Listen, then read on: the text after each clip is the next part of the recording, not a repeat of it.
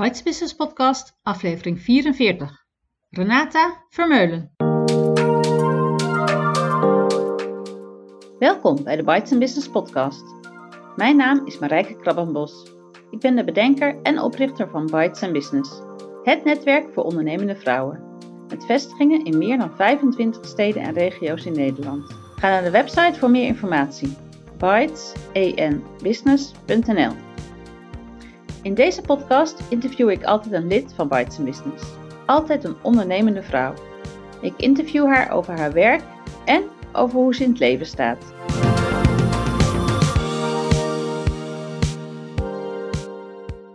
Bites Business Podcast, aflevering 44. Renata Vermeulen.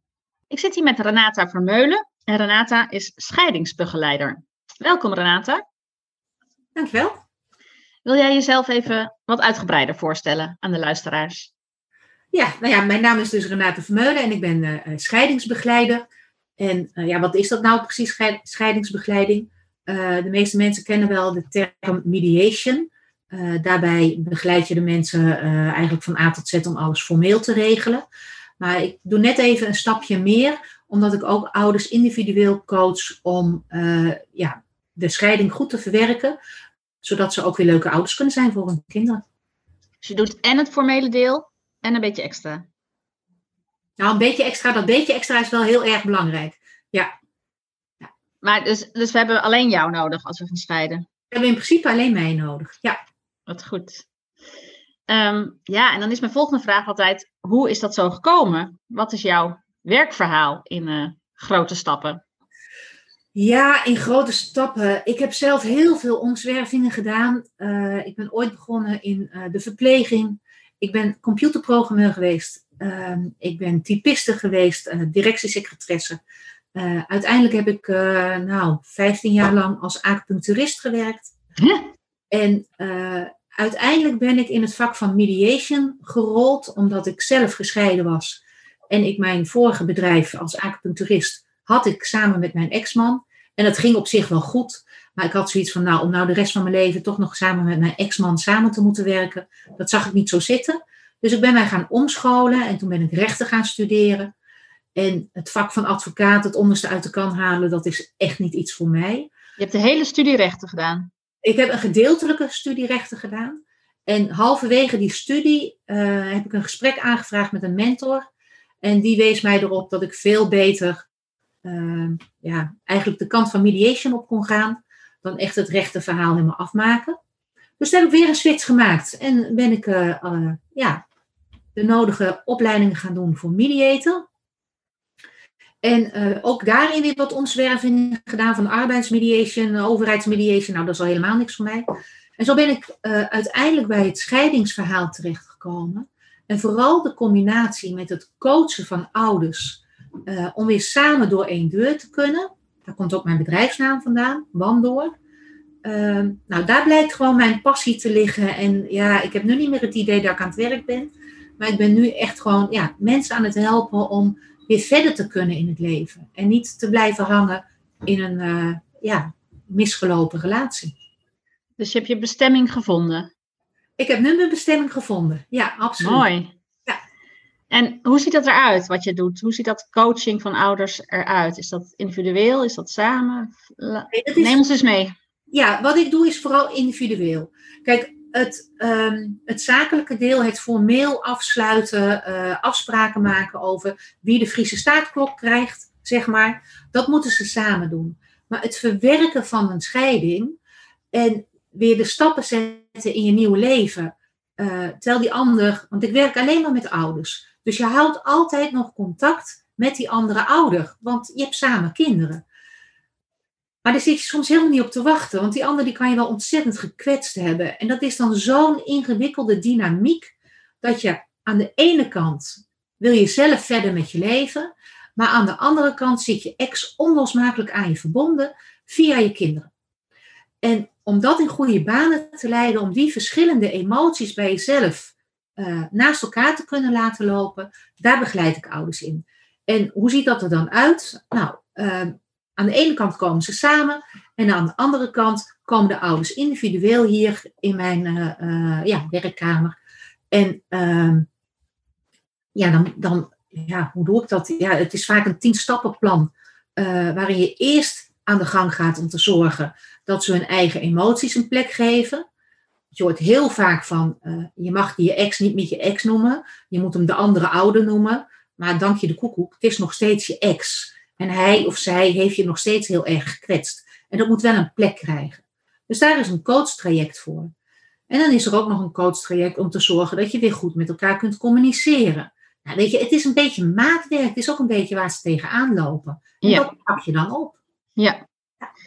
En meestal één van de twee. Of spreek je ook wel eens allebei? Ik heb heel vaak allebei, alleen niet tegelijkertijd. Ja. Dus dan kan er s'morgens de een zitten en smiddags de ander, of de ene dag of de andere week. Dat, weet je, zij, ieder is een uniek persoon en heeft zijn eigen begeleiding daarin nodig. Ja. En hoe komt het, waarom heb je, doe je precies dit? Um, uh, was het er nog niet? Had je er zelf behoefte aan? Zag je de vraag? Hoe heb je precies ik, dit? Ik zag vooral vanuit mijn uh, uh, praktijk als mediator, zag ik heel duidelijk die vraag. Um, want wat doe je als mediator? Je maakt een ouderschapsplan. Nou, dat is een heel mooi plan van wat wil je nou eigenlijk, hoe wil je nou samen de kinderen opvoeden als je uit elkaar bent? Um, en dan na een half jaar, dan zag ik ze altijd in de evaluatie. En dan bleken al die mooie plannen die ze hadden op het moment dat ze aan tafel zaten, bleek gewoon niet te werken. Um, op het moment dat mensen uit elkaar gaan, hebben ze de vaste overtuiging dat zij het goed gaan doen, dat, het, dat ze het zo goed mogelijk gaan doen voor de kinderen.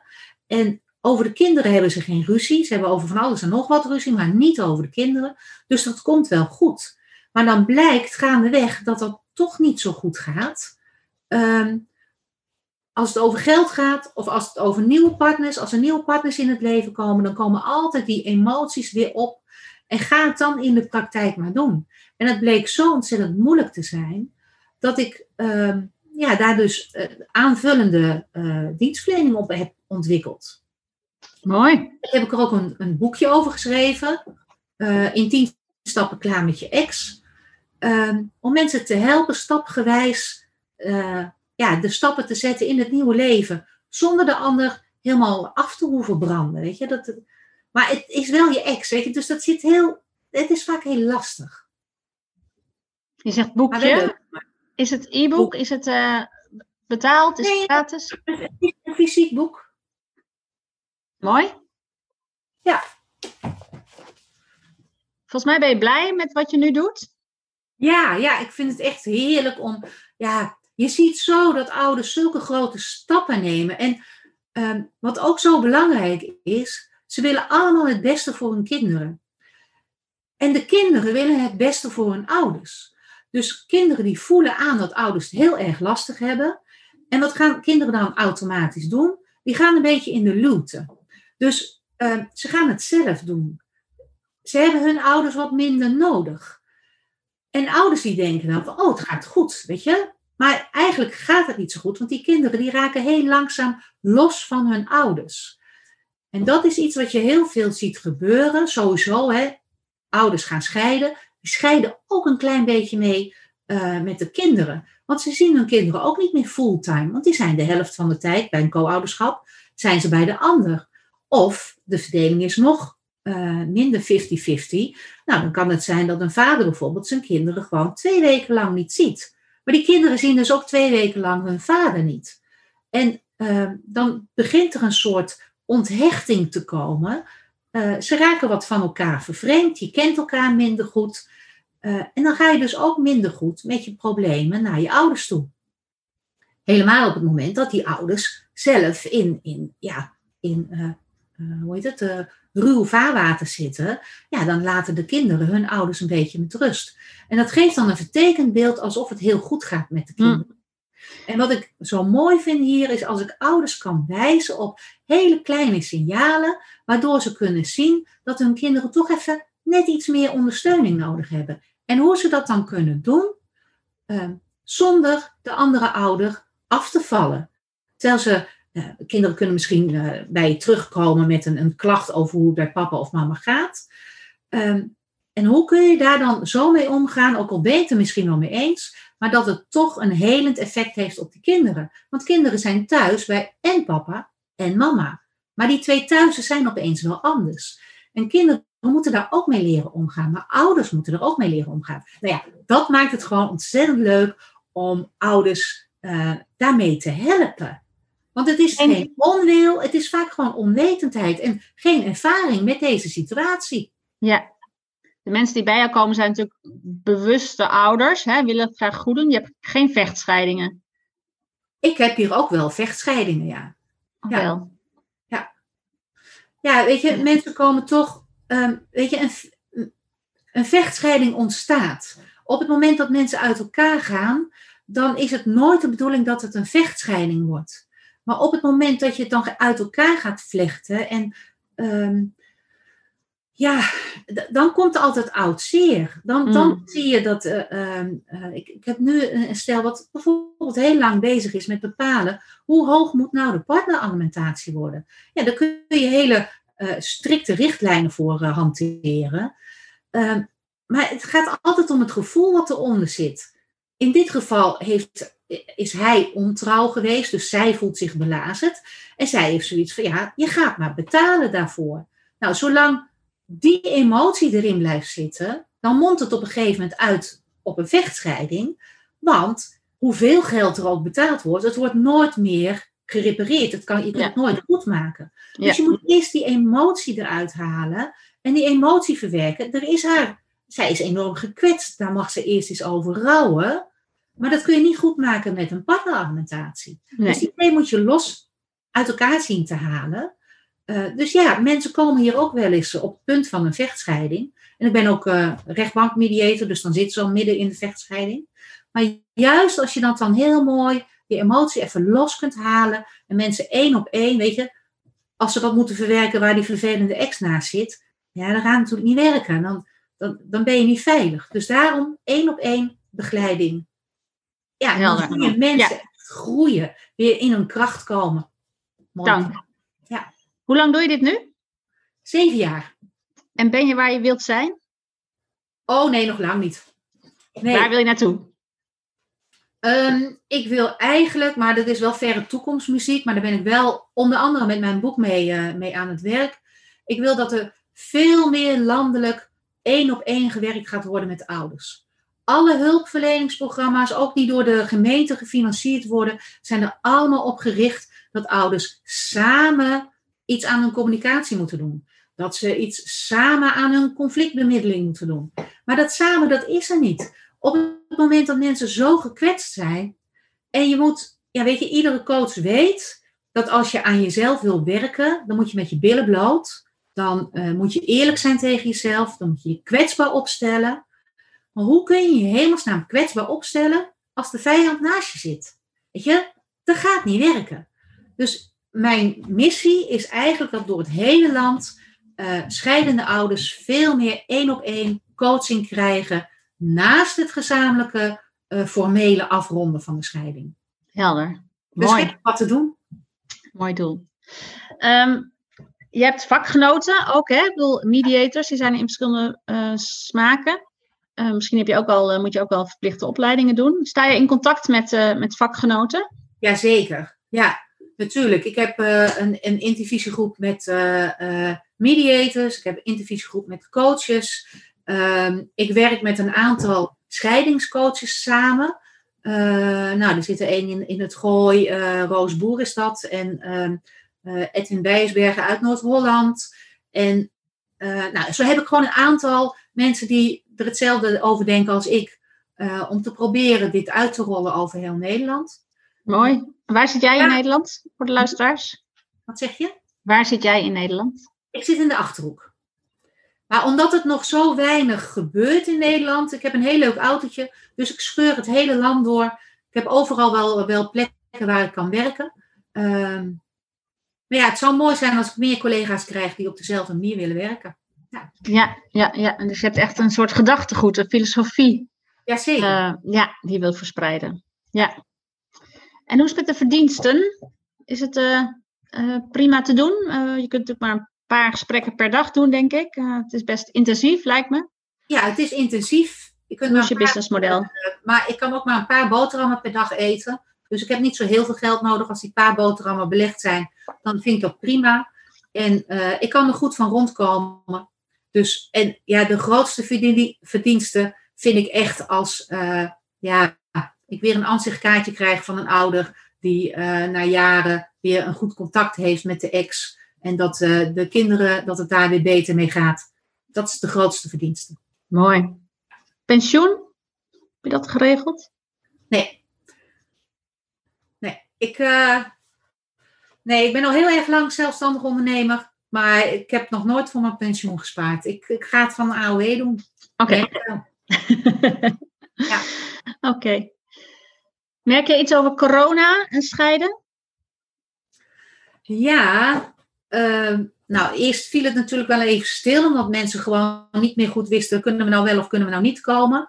Uh, ik kan makkelijk op anderhalve meter afstand uh, werken, dus mensen kunnen hier uh, goed komen. maar corona heeft natuurlijk een enorme impact op relaties. Dus je ziet nu wel heel veel mensen die of komen van, nou, we willen eens kijken of we nog wat aan onze relatie kunnen doen. Want ook daarin begeleid ik ouders om te kijken van, nou, hoe kun je je relatie weer nieuw leven in, uh, inblazen? Of hoe kun je elkaar eigenlijk weer vinden? Maar ja, dat is ook weer een heel verhaal apart, hoe ouders elkaar kunnen verliezen binnen een relatie. Um, maar dat zie ik nu wel veel meer. Ja. En er wordt geroepen in de media dat er veel meer wordt gescheiden nu. Nou, dat merk ik eigenlijk niet, want op dat vlak heb ik het echt gewoon even druk als anders. Uh, maar wel veel meer mensen die bovenop elkaars lip zitten en nu denken van ja, jeetje, hoe houden we onze relatie goed? Ja, ja, ja, begrijp ik. Uh, nou, dat denk ik over je werk. Dan gaan we nu naar deel 2 van het interview. Uh, want er is meer in het leven dan alleen werk. Um, dus ik heb ook een aantal vragen over Renata als, als mens. Ja. welke andere petten heb jij op in het leven naast zelfstandig ondernemer en scheidingsbegeleider? Nou, ik heb de pet op van uh, partner. Ik uh, woon samen met, uh, met Jan en met vier border collies. Dus naast partner ben ik ook vrouwtje. Het vrouwtje van de honden. en, ehm, nou ja, vier border collies, dus dat is heel veel werk en heel leuk. En die worden ook, of hun wekelijkse sport is rondom de schapen rennen. Dus nou, dan moet je als uh, amateur herdertje moet je, moet je meelopen en moet je de honden dus leren hoe ze dat moeten doen. Dus daar gaat veel tijd in zitten. Ik lees heel graag. Dat is bijna wel altijd vakliteratuur of beroepsgerelateerde literatuur. Ja, wat doe ik nog meer? Ik wandel graag. Ik um, hiken doe ik heel graag. En dan liefst in Schotland. Ja, hmm. nu met de coronacrisis. Uh, ja, ik kom op de Veluwe en uh, bij ons in de achtertuin uh, in Duitsland. maar veel verder komen we nu niet. ja, het ligt allemaal een beetje stil natuurlijk. Ja, ben je ook nog dochter? Heb je nog ouders? Ja, ik ben ook nog dochter. Ik heb een moeder van, oh, dan mag ik niet liegen, 82. Mijn vader is al 12 jaar geleden overleden. Ehm, ik heb een oudere zus, zes jaar ouder als ik. En ik heb nog twee broers. Ook ouder, ik ben de jongste. Uh, nou, dan ben ik nog tante van een hele hoop nichtjes en één neefje. Leuk. Nou, dan een beetje de familie. Uh, en je komt ook uit Achterhoek? Nee, ik kom van oorsprong uit de Randstad. Oh. Ja, maar ik, uh, op een of andere manier, ik kwam hier wonen en ik had direct, toen ik hier kwam, had ik het gevoel van, ik kom thuis. En ik zou echt niet meer terug willen. Ik ga regelmatig richting de Randstad voor mijn werk, omdat ik dan daar ergens een stel ouders moet coachen. Uh, ik kom ook heel veel in, in, in het Gooi en in Utrecht en rondom Den Haag. Uh, maar ik zou er echt niet meer willen wonen. Nee. nee. Terwijl je dus niet opgegroeid bent.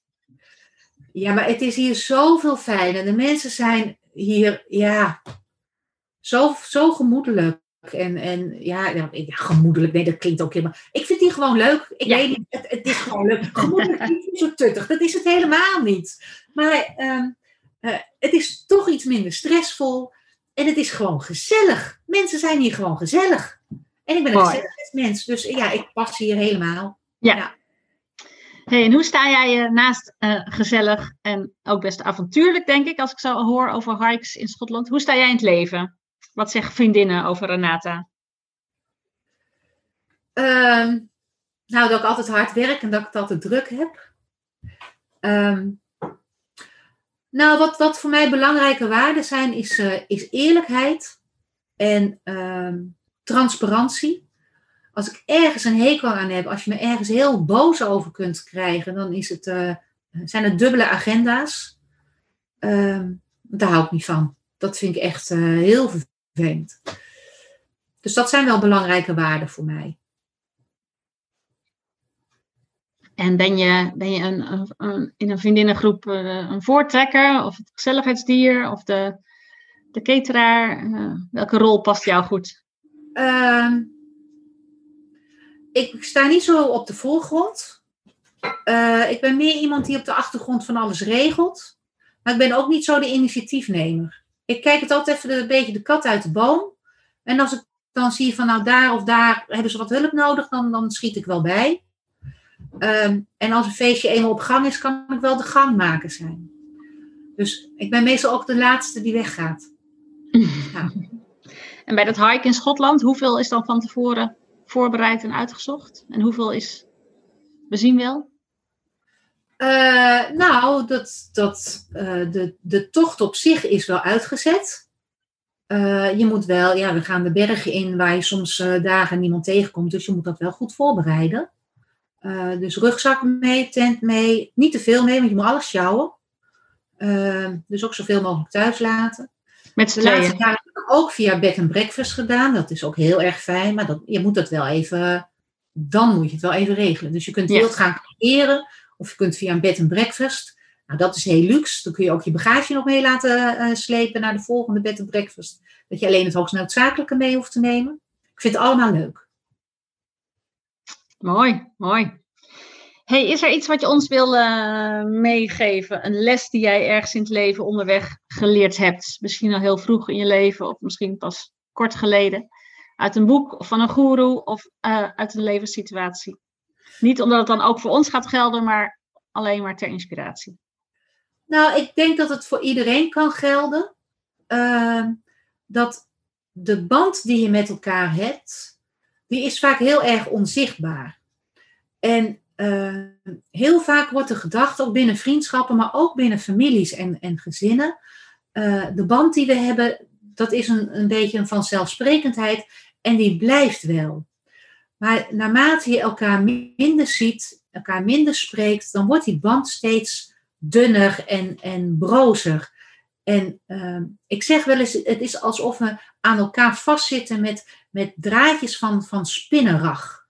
En soms breekt er zo'n spinragje en dan breekt er nog eens één en nog eens één. En op een gegeven moment, je denkt dat je nog steeds vastzit, maar op een gegeven moment is het los zand geworden. En dat kan zomaar van, ja, dat lijkt dan van het een op het andere moment gebeurd te zijn. Dat je denkt van, hé, hey, ik ben een vriend kwijt of ik ben een kennis, ik heb daar niet meer zo'n klik mee, wat is daar toch mee gebeurd? Maar dat gaat langzaam. En we hebben het niet in de gaten dat dat langzaam afbreekt. Dus we zouden veel meer, en dat merk je ook in deze coronatijd, veel meer tijd en, en energie in elkaar moeten steken. En dat ook benoemen? Moeten we het visueel maken? Of, of hoe? Nee, ik, ik, we moeten ons daar meer aan werken. En uh, ik, ik steek dan ook echt de hand in eigen boezem, want ook ik uh, ben soms veel te veel aan het werk, werk, werk, werk. En dan denk ik van, ah ja, weet je, ik ga volgende week wel weer een keer naar mijn moeder. Of uh, wil morgen mijn zus wel in plaats van vandaag. En weet je, omdat die band er is, denk je dat er nog tijd is om daarin te investeren. Maar de tijd vliegt door onze vingers heen. Het glipt zo weg. Blijf aan alle relaties in leven werken, zeg je. Aan alle relaties, ja. Met de buurman ja. tot een verre vriend. Alle relaties zijn interessant en, en fijn om te hebben. En weet je nog hoe dit tot jou gekomen is? Van wie je dit uh, inzicht gekregen hebt? Nou, dit is eigenlijk iets wat de laatste tijd, omdat ik heel erg met mijn, mijn, met mijn vak bezig ben. En uh, met ouders die denken dat ze dus een heel goed contact met hun kinderen hebben. En dan niet zien dat in zo'n scheidingssituaties het zo uh, langzaam touwtje voor touwtje losgekoppeld wordt. En dat kinderen, je ziet heel veel scheidingskinderen gaan vervroegd op kamers, omdat ze al niet meer zo'n binding hebben met hun ouders. En ik ben daar gewoon over na gaan denken van hoe zit dat eigenlijk in mijn leven? En dan denk ik van ja, dat is niet alleen tussen ouders en, en hun kinderen in tijden van scheiding, dan gaat het wel een stuk sneller. Maar het gebeurt eigenlijk tussen alle relaties.